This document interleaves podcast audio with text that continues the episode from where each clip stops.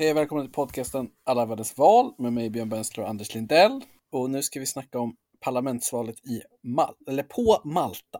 Och föreställ dig ett val, Anders, som präglas av att en situation som kan jämföras med Sverige skulle vara att den gamla granskande journalisten Janne Josefsson skulle helt plötsligt mördas med en bilbomb.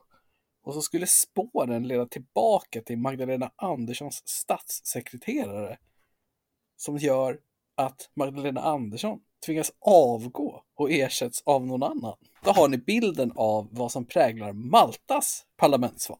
För det är så att mordet på den undersökande journalisten Daphne Galizia för snart fyra år sedan fortfarande, eller det här, man kan säga att det här valet sker i skuggan av det här mordet, eller hur? Ja, det får man säga. Det är liksom eh, det är ju fortfarande så att rättsprocessen från det mordet inte är klart och att eh, liksom partierna fortfarande skakas av det. Ja, och det är så himla intressant just för att han som, han som var, vann det förra valet, Josef Muscat, fick avgå i samband med att det här mordets utredning liksom nådde stationens ände kan man säga. Eller i alla fall delvis stationens ände. När det blev tydligt att hans regering vad hans anställda hade försökt täcka upp. Och vad hade de då försökt täcka upp? Jo, inblandning i olika typer av ekonomisk brottslighet som kom fram via Panama-papperna. Det är det som är spännande med, eller det är en av de sakerna som gör hela det här fallet så spännande är ju att hon eh, skrev om saker som också är väldigt talande för Maltas eh, liksom, ekonomiska och politiska system. Alltså det handlar om liksom, organiserad brottslighet, mutor, kopplingar till eh, Eh, liksom den stora spelmarknaden som är stor på Malta, kopplingen till den här Panama Papers-skandalen och hur Malta har använts som liksom en, en sluss med liksom ganska sunkiga pengar in i EU och sådär. Så det var, det var ju också mycket av det som eh, står i centrum för Malta som samhälle eh, var, stod ju också i centrum för det som hon skrev om och det som gjorde att hon mördades. Ja, och i, och i centrum här så står ju något kraftverk som skulle byggas av Muscats regering. Som ja. liksom skulle, som, där alla pengar försvann till Panama och sen funkade inte kraftverket och sådär. Men då, för precis, det satte ju Malta i kontexten där och Malta är ju som kanske de flesta lyssnare vet, ett väldigt litet land. Det är ett par öar som är väldigt små, 316 kvadratkilometer. Och om det säger någonting så tänk som Fårö utanför Gotland fast tre gånger så stort. Och där har de tryckt in en halv miljon människor, Anders. Och det är ju väldigt mycket i nyheterna för att när, när Malta väl kom in i EU så har det ju hänt, det känns som att det har hänt otroligt mycket. Med ekonomin, med liksom hur man finns som en mellanstation i den afrikanska flyktingvägen till Europa och liksom och också en sån nation som, är, mm. som har sådana här gyllene pass, som man brukar säga, alltså där man kan köpa ja, till eh, sig ett EU-medlemskap genom att investera tillräckligt mycket. Ja, och så fort EU, Malta kom med i EU så behövde man ju inte ha en bank i Tyskland för att få in pengar, utan räckte med en bank i Malta. Så att det var liksom, känslan är ju inte bara, när man läser om det här mordet framför allt, att otroligt korrupt. Mm. Och otroligt ekonomiskt eh, Ja, men det är nästan som att det är som som, som att EU har liksom designat en ekonomisk liksom, frizon längst ner. ja, ja. Som alla så här har en, en, en så här, man vet att det inte är helt clean, men man tänker att liksom en ekonomi av vår storlek i Europa här, vi behöver också ett litet avloppshål där nere. Där man liksom kan få vissa saker gjorda och få in vissa pengar och sådär. Så det känns lite som att de får liksom hålla på med det goda ögat. Ja, men lite så känns det. Men eh, vad har vi då för val, Anders? Och vad har vi för politiskt system och sådär? Jo, det ska jag berätta för dig. Det är ju som du mycket riktigt nämnde ett parlamentsval, därför det är det valet som finns i den här eh, republiken. Presidenten i Malta väljs eh, av parlamentet. Så att eh, man har inget särskilt eh, presidentval och presidenten är verkligen en ceremoniell person. Liksom. Som, eh, men man kan säga det är lite en glorifierad talman. Men eh, den väljs baserat på liksom majoritetsförhållanden i parlamentet och sen är det presidenten som nominerar premiärministern. Och det här parlamentet de ska välja, det består av 67 platser. Eh, det är lite luddigt exakt, det finns också lite fyllnadsmandat som man lägger på ovanpå platserna som finns. Så det kan alltså bli fler än 67. Ja, det där är skitkomplext och vet du vad det också bygger på? Hela det systemet bygger på att det bara kommer in två partier. Kommer det in ett tredje, mm då, vet, då finns det typ ingen kon då, då går fyllnadsmandaten bara till det. Ja, det, är liksom... eh, det är ett brittiskt system i grunden som är helt designat för två partier som verkar vara så här. Jag har faktiskt inte sett något konstigare i hur man fyller på platser. Nej, det är konstigt. Dels är det konstigt. Det andra är att de också har det här eh, som ju är ganska uppskattat i så här demokratinördkretsar, att man har preferensvalsystem, alltså där man alltså rankar kandidaterna eh, så att man röstar på en kandidat, trots att det är ett så starkt partisystem Malta, och det kommer vi in på alldeles strax, men eh, så röstar man på en kandidat och sen så eh, rankar man då helt enkelt eh, ett gäng, fem kandidater, för det är fem kandidater i varje valkrets. Och om ens kandidat är den, liksom, den sämsta av alla kandidater som har kandiderat, då faller platserna bort och då, blir det nummer, då faller ens röst på nummer två, blir den som räknas istället. Då. Och, det är då, så att, så att, och det är ett system som egentligen eh, liksom strukturellt eh, gynnar ju att mindre partier, därför det skulle ju göra det möjligt att rösta på en kandidat från ett litet parti och om den inte kommer in då så kan någon annan få, få rösten. Liksom. Så att spärren blir inte lika betydande på det sättet. Men så är det ju inte, utan istället så domineras man ju av eh, två stora partier och har gjort det med ett pyttelitet undantag förra mandatperioden som har gjort det sedan självständigheten eh, 1964. Så att, eh, och jag kan ju komma in på dem sen. Det är ett stort vänsterparti och ett stort högerparti helt enkelt, så det är inte så mycket mer spännande. Men vi, vi går igenom dem alldeles strax. Då. Eh, I övrigt så kan man väl säga att, att det här politiska systemet har liksom eh, i sig eh, beskrivs det som att det fungerar ganska bra av internationella observatörer och så. Alltså de är ju de är ändå med i EU så det måste ju på något sätt vara en demokrati. Ja, det är ju en demokrati och det, och det, liksom, det själva liksom, valsystemet fungerar. Men det man får kritik för återkommande är ju den väldigt, väldigt täta kopplingen mellan ekonomiska intressen och de stora partierna och de, liksom, den, höga, den höga nivån av korruption och den bristfälliga förmågan att hantera den korruptionen. Så det är ett väldigt, eh, alltså med EU-mått mätt, men kanske även internationellt sett, ett väldigt, väldigt eh, korrupt land. Man har också, liksom man håller på mycket med valsystemet, förutom att man nyligen la till två platser så har man också infört någon slags könskvoteringslag i parlamentet. Och det blir också stökigt i förhållande till det du nämnde med att det inte riktigt finns några tydliga regler för hur man fyller på med platserna. Ja, alltså det finns ju ett tydligt system, det var bara för svårt för mig att förstå. Ja, just det. Ja, det slog mig också.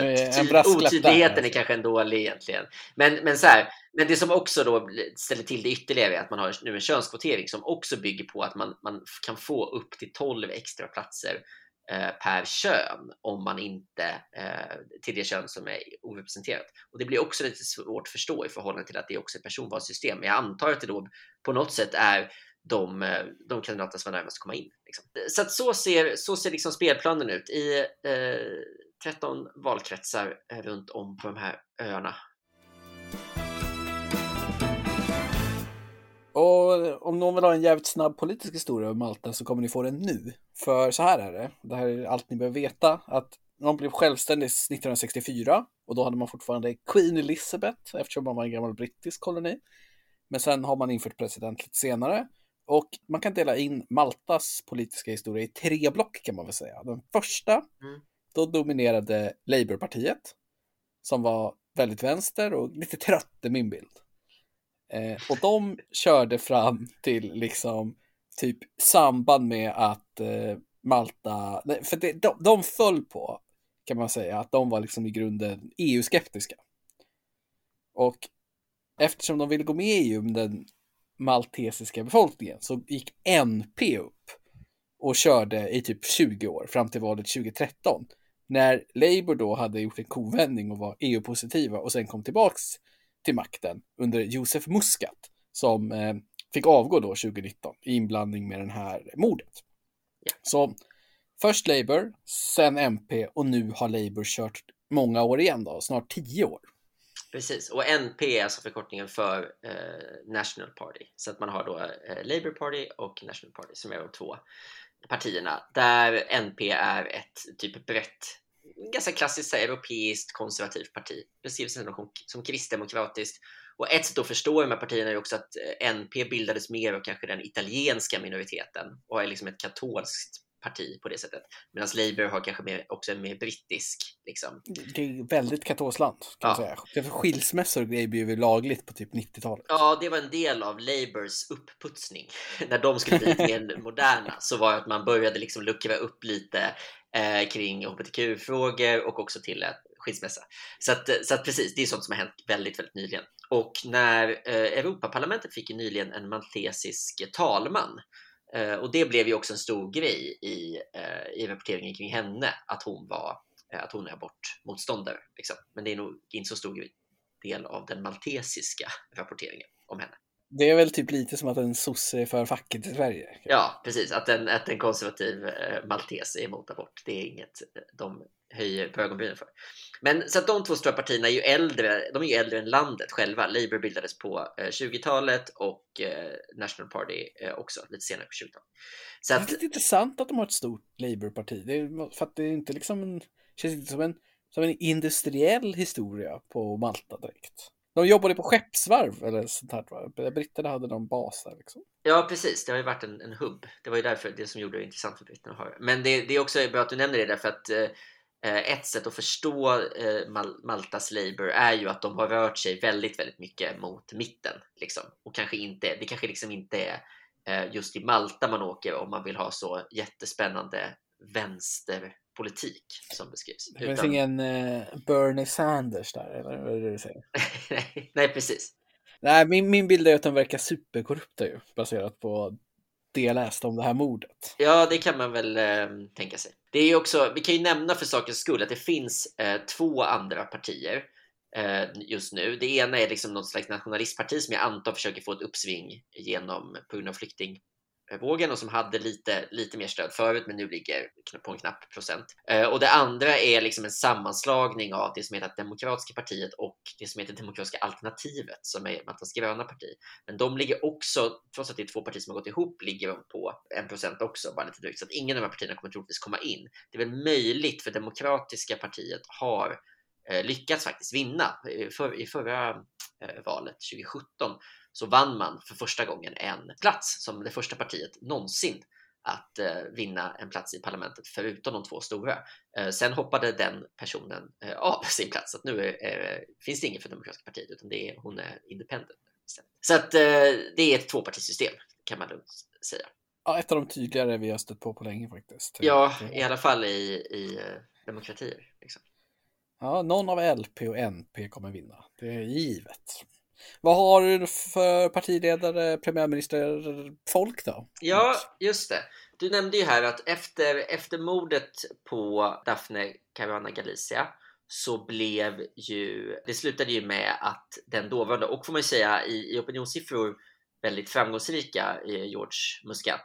Vunnit två val, så ja, precis. han var ju en ledande politiker. Och liksom moderniserade väl Labour en hel del och vände i EU-frågan och allt det där. Så han, men han avgick ju då till slut och det var ju inte någonting han gjorde. Det var ju inte liksom storsitt av honom att bara oj, har min stabschef varit inblandad i det här mordet? Nu måste jag också avgå, utan det handlade ju om att det blev stora folkliga protester eh, utanför eh, regeringskansliet och liksom en efter en avgick de. Så att först sparkade han stabschefen Sen fick eh, den dåvarande eh, näringsministern typ avgå och sen till slut avgicks även, även Muscat. Eh, ja, man kan ju slänga in då att han också drog en privat rättsprocess mot Daphne Caruana Galizia för sin frus räkning. Ja, just det. För förtal. Så att han, han hade ju satt ju mycket där, liksom, eh, på många platser. Ja, jag tror vi båda hade ett stort nöje av den här, den här enorma eh, New Yorker-texten som har skrivits om det här. Ja, det är faktiskt ett tips eh, om man är intresserad. Jag tror det är ett bra journalistik. Ja, väldigt bra. Och den beskriver i princip eh, Galicia och Muscat som liksom livslånga fiender och att de har liksom följts åt i flera år. Liksom. Den eh, antyder ju, eh, med, då antyda ett svagt ord, att han liksom verkligen hade ett intresse av att hon tystades. Liksom. Att han var direkt involverad i mordet. Ja, precis.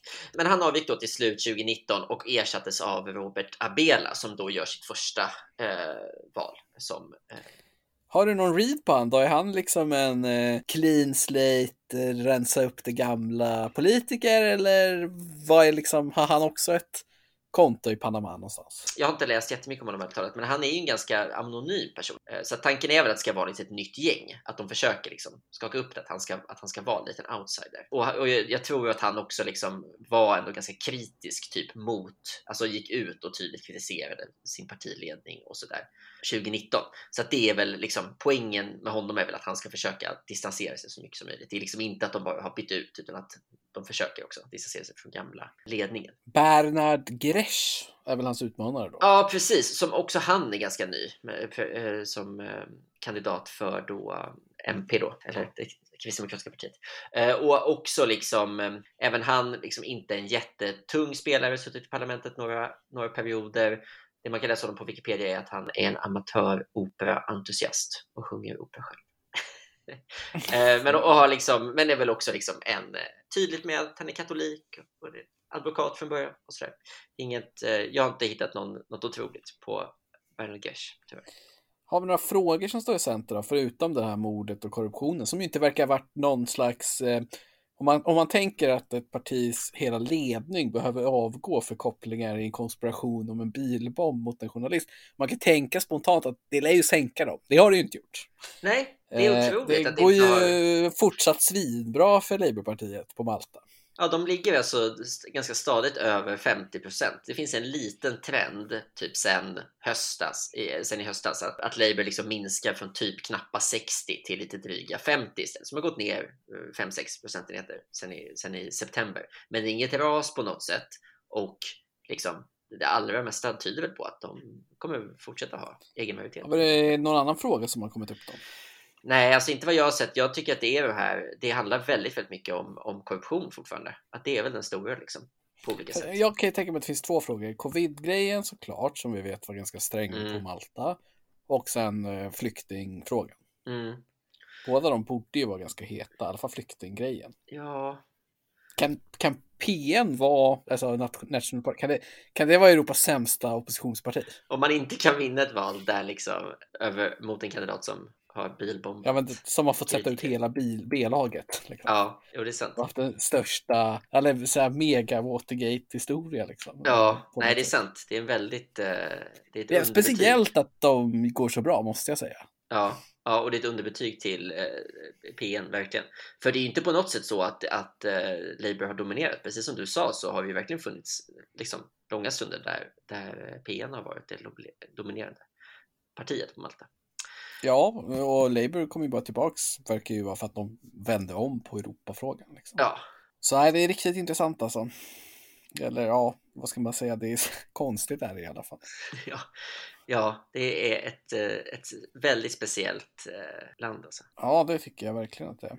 Nej, vi säger att eh, det ser ut att bli business as usual på, på Malta. Det gör det. Det ser ut som att Labour tar ett tredje val i rad, vilket ju är ovanligt i eh, alla länder, men även i, i Malta, att något parti går så stort, trots då att de har gjort det svårast möjligt för sig själv. Vill du veta vart vi ska nästa gång, Björn? Ja, jag vet ju att det blir Serbien. Eftersom du vaknade i morse och trodde att vi skulle spela in det här om Serbien. Det gjorde jag också. Ja. Men så insåg vi att det var på Malta istället. Så att precis, vi kommer tillbaka med ett avsnitt om eh, Serbien några dagar. Ja, på återseende då. Hej då.